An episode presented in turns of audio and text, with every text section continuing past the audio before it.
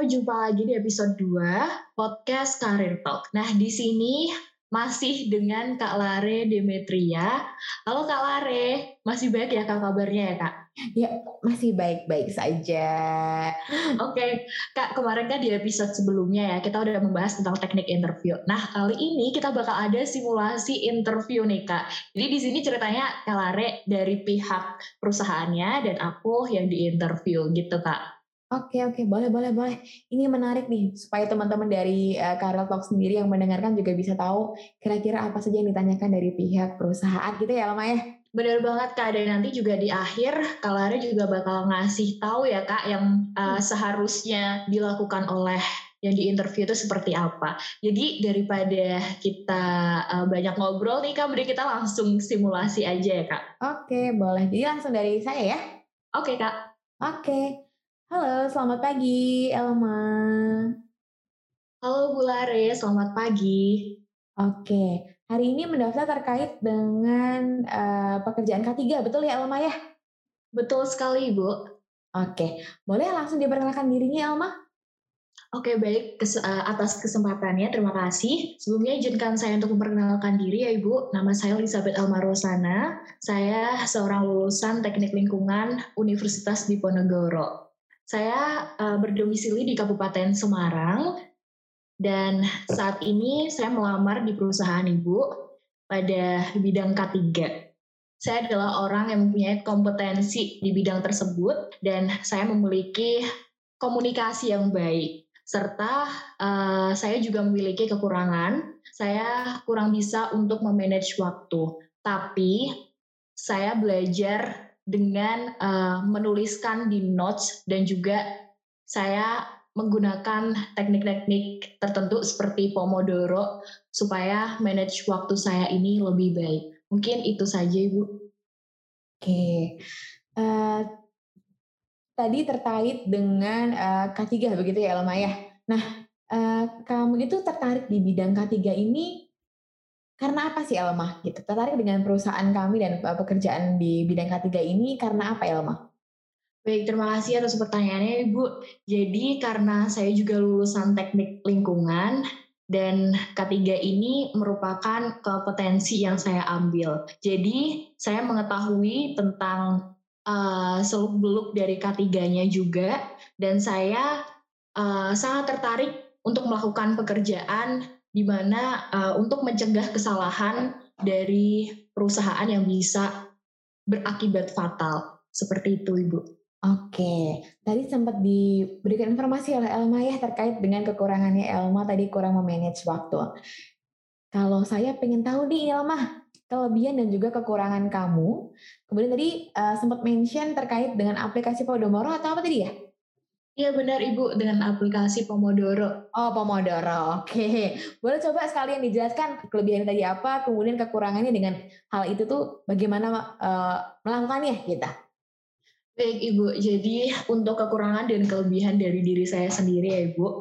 Untuk kelebihannya saya memiliki uh, komunikasi yang baik, saya juga bisa untuk uh, bekerja di bawah tekanan, kemudian saya juga memiliki beberapa pengalaman organisasi dan juga kepanitiaan. Tetapi untuk permasalahan manage waktu ini memang menjadi challenge untuk diri saya sendiri, Bu. Jadi uh, di mana kalau misalnya saya itu tidak bisa untuk mengerjakan dua pekerjaan sekaligus. Saya tuh harus fokus dari uh, satu pekerjaan. Maka dari itu dari saya sendiri untuk manage waktunya adalah saya selesaikan satu persatu dengan teknik Pomodoro tadi Ibu. Jadi biar saya juga tidak bosan. Teknik Pomodoro ini sendiri itu merupakan uh, teknik yang digunakan dengan 25 menit uh, mengerjakan sesuatu kemudian 5 menit untuk istirahat. Nah, dengan teknik itu saya rasa keseharian saya bisa lebih termanage kemudian juga saya bisa menyelesaikan tugas saya dengan baik. Oke, Tadi dimention bahwasannya punya pengalaman organisasi. Tadi ketika perkenalan diri belum ada ya terkait hal tersebut. Boleh dijelaskan pengalaman terkait dengan organisasinya mungkin Elma? Baik, terima kasih Bu. Uh, untuk pengalaman organisasi dan juga kepanitiaan selama masa kuliah, saya tergabung di Himpunan Mahasiswa Teknik Lingkungan, tepatnya pada bidang PSDM. Dan juga saya tergabung di BEM Fakultas Teknik pada unit Humas, dan pada tahun 2022 saya sebagai kepala divisi uh, divisi networking di unit humas. Seperti itu, Bu. Oke. Kemudian uh, tadi pasti di dalam kegiatan organisasi pasti ada konflik-konflik yang terjadi baik secara individual maupun secara organisasi. Saya mau kamu menceritakan uh, bagaimana ketika kamu menghadapi konflik tersebut dan bagaimana menyelesaikan masalah tersebut dalam diri kamu sendiri kita. Uh, baik, Ibu. Jadi untuk permasalahan atau konflik yang saya hadapi pada saat saya berorganisasi itu mungkin karena waktu saya berkuliah itu kan masih online ya Ibu. Jadi banyak sekali program kerja yang harus beradaptasi dari offline ke online. Salah satunya proker saya waktu itu di HMTL ada di bidang PSDM ada latihan dasar organisasi. Dan di situ ada juga proker-proker lainnya. Namun dari proker yang saya punya itu uh, saya harus menyesuaikan dengan kebutuhan yang dibutuhkan oleh angkatan dari 2021. Maka dari itu untuk mengatasi konflik atau permasalahan tersebut saya uh, memberikan uh, semacam Google Form terhadap angkatan 2021 untuk mengetahui apa sih sebenarnya yang dibutuhkan oleh mereka sehingga broker yang saya kerjakan itu bisa sesuai dengan apa yang memang mereka butuhkan di masa online seperti itu, Bu. Oke, tadi uh, di bagian PSDM biasanya berhubungan dengan uh, sumber daya manusia berarti ya.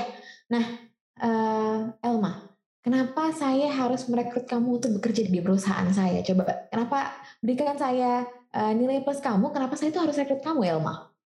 Baik, uh, saya memiliki uh, antusiasme yang tinggi terhadap perusahaan ibu. Saya juga memiliki pengalaman serta skill seperti komunikasi, kemudian bekerja di bawah tekanan, dan saya juga bisa bekerja baik individu maupun berkelompok. Saya juga bersedia untuk berkomitmen dengan perusahaan ibu untuk memajukan dan juga uh, melaksanakan tugas saya dengan baik dan dengan maksimal dan tentunya sesuai dengan visi dan misi dari perusahaan ibu.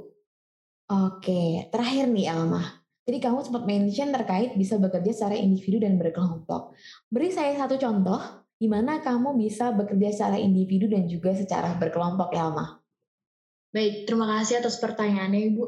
Mungkin uh, kalau untuk contohnya baik di organisasi ataupun di akademik itu bisa saya beri contoh. Cuma untuk uh, detailnya adalah bekerja sendiri ketika waktu saya mendapatkan program kerja di HMTL itu ya Ibu di bidang PSDM itu kan saya menyusun konsep sendiri terlebih dahulu. Setelah saya memiliki konsep tersebut baru saya sampaikan kepada anggota yang lain untuk memberikan masukan dan juga uh, apa ya pelaksanaannya itu kami kerjakan secara berkelompok. Jadi untuk individu mungkin saya lebih ke konsep ya Ibu. Cuma untuk uh, eksekusinya itu uh, saya juga bisa berkelompok. Seperti itu Ibu.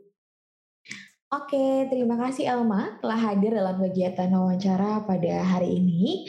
Dari poin-poin yang tadi sudah disampaikan oleh Elma, akan menjadi bahan pertimbangan kami untuk ke depannya apakah Elma bisa dilanjutkan untuk bekerja dengan pihak kami. Mungkin itu yang bisa saya sampaikan Elma pada siang hari ini. Silakan undur diri dalam kegiatan wawancara pada siang hari ini. Baik Ibu, terima kasih atas kesempatannya. Saya pamit terlebih dahulu ya Ibu. Terima kasih. Oke, sama-sama Elma. Oke, akhirnya ya. selesai.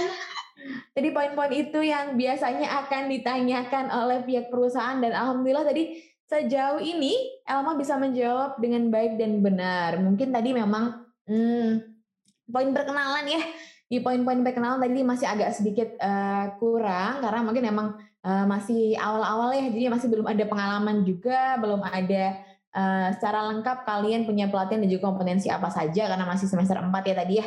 Jadi memang masih uh, awalnya masih cukup baik tapi kurang lengkap nanti bisa dilengkapi sesuai dengan uh, waktu yang berjalan ya lemah ya gitu.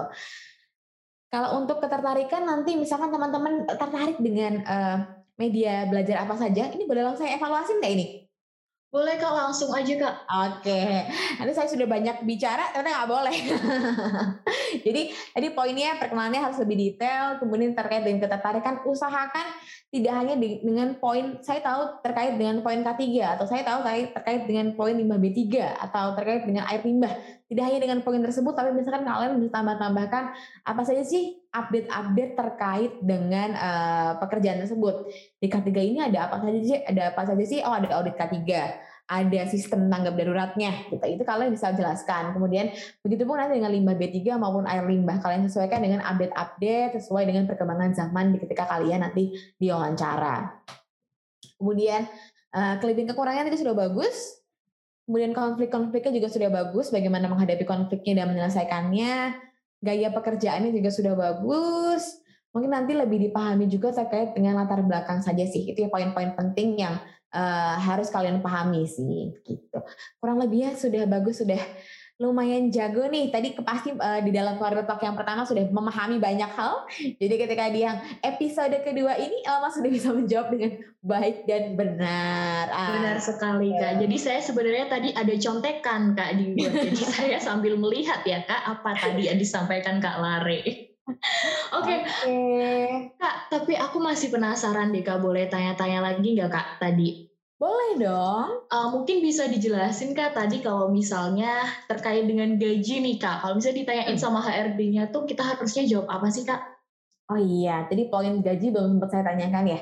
Jadi gini teman-teman, terkait dengan gaji ini adalah uh, hal yang sangat penting sebenarnya. Teman-teman boleh tanyakan gaji di pertanyaan terakhir. Misalkan dari perusahaan nggak sempat nanya nih ke kalian. Nah, kalian harus tanyakan berapa payment yang dibayarkan perusahaan ke kalian gitu ya. Misalkan uh, berapa gaji yang kamu harapkan bekerja di uh, tempat ini gitu di perusahaan ini gitu ya. Kalian harus pandai-pandai menilai diri kalian. Seandainya kalian fresh graduate nih teman-teman. Kemudian uh, kalian ini uh, belum bisa menilai diri kalian. Usahakan kalian sudah tahu nih sudah kepo-kepo atau sudah nanya-nanya berapa sih UMR di lokasi tersebut? Karena setiap daerah punya UMR-nya masing-masing jadi lihat dulu nih UMR-nya berapa nih rata-rata.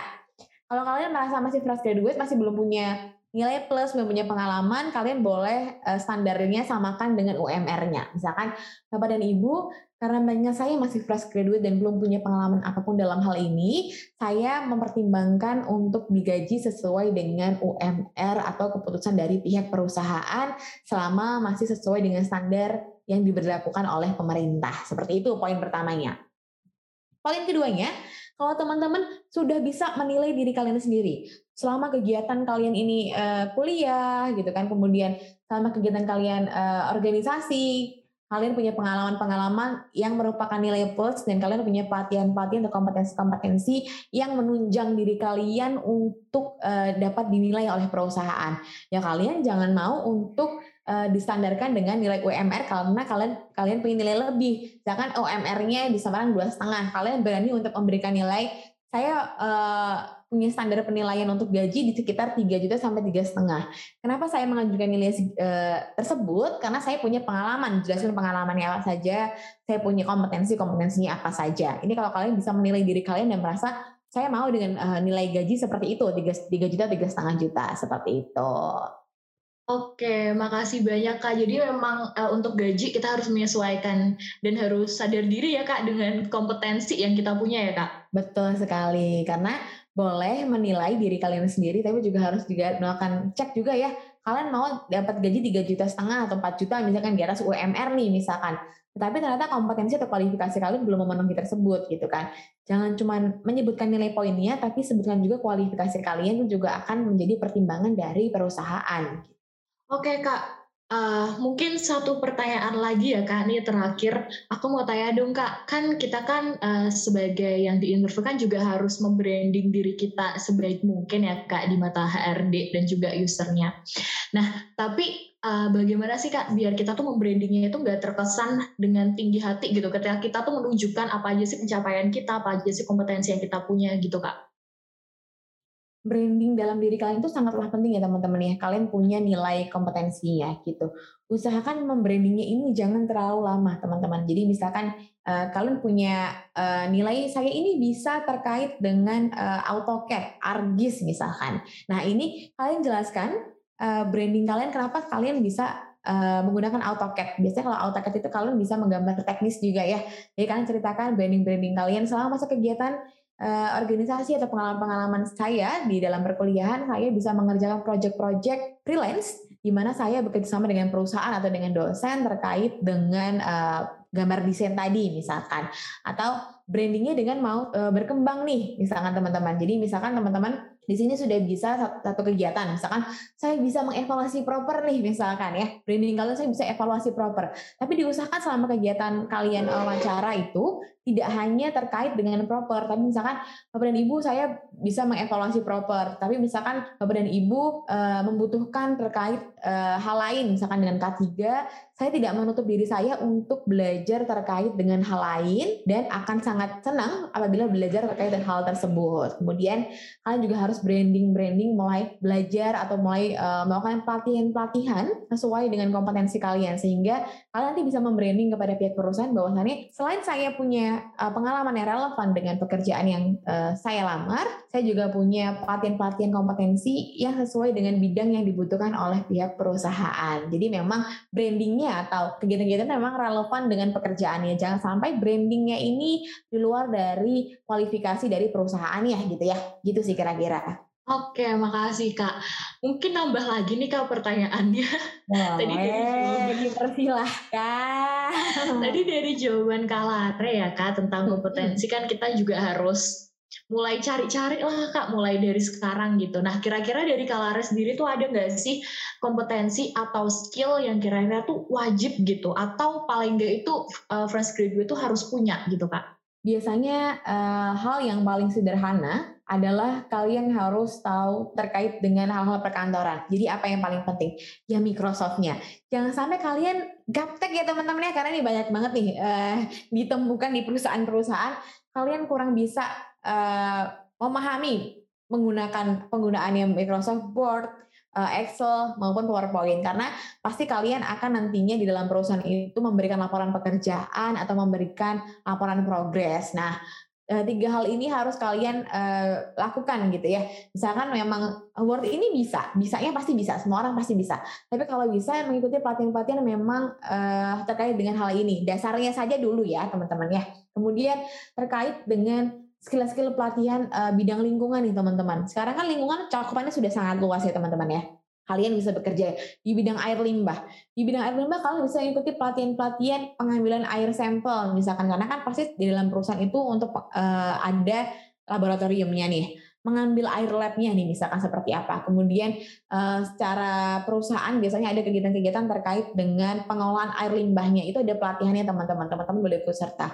Begitupun terkait dengan proper itu juga ada pelatihannya. Kemudian uh, terkait dengan limbah B3 itu juga ada pelatihannya. Terkait dengan emisi pun juga ada pelatihannya. Terkait dengan uh, udara ya teman-teman yang makin familiarnya. Jadi di perusahaan itu udara itu ada dua hal yang mungkin akan dinilai dan ada pelatihannya terkait dengan emisi, baik genset, boiler, tuh hal itu nanti pasti akan kalian pelajari lebih lanjut gitu. Jadi itu poin-poin atau skill-skill yang kalian harus secara dasar tadi Microsoft kemudian pelatihan sesuai bidang yang kalian tuju.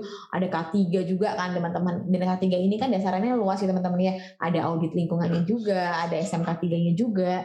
Jadi itu yang harus kalian punya skill sesuai bidang kalian sesuai passion kalian itu penting sekali Kemudian yang terakhir adalah public speaking, teman-teman. Cara kalian menyampaikan pendapat. Teman-teman mungkin ada tipikal yang di balik layar ya teman-teman ya sukanya di balik di balik layar saja nggak suka nggak suka berbicara gitu. Tetapi di dalam perusahaan kalian tidak bisa selalu ada di balik layar gitu ya. Kalau bisa kalian harus bisa menyampaikan pendapat kalian karena ini berhubungan dengan inovasi-inovasi dan juga saran kalian untuk perkembangan perusahaannya. Jadi uh, kalian harus bisa mengembangkan perusahaan kan teman-teman? Tidak hanya dalam satu poin atau dua poin saja. Nah untuk bisa menyampaikan saran-saran itu kan kalian harus bisa berbicara dengan baik dan benar. Jadi usahakan untuk punya dasar-dasar untuk public speakingnya. Mungkin itu aja sih Elma. Jadi tadi uh, dasarnya juga sudah saya berikan dari Microsoft dari sesuai bidang passion dan juga public speaking itu suatu hal yang uh, harus kalian pahami dan harus kalian bisa kan skillnya gitu. Oke, makasih banyak Kalare. Jadi tadi dari simulasinya aku diterima nggak di perusahaan Kalare? Diterima, dipertimbangkan ya. Masih Kalau, dipertimbangkan uh, ya, dipertimbangkan. Masih dalam pertimbangan karena tadi memang uh, terkait dengan K3-nya kan masih agak uh, bingung ya pengen ini seperti apa karena tadi memang di Elma masih semester 4 jadi masih bingung juga harapannya seperti apa sih gitu.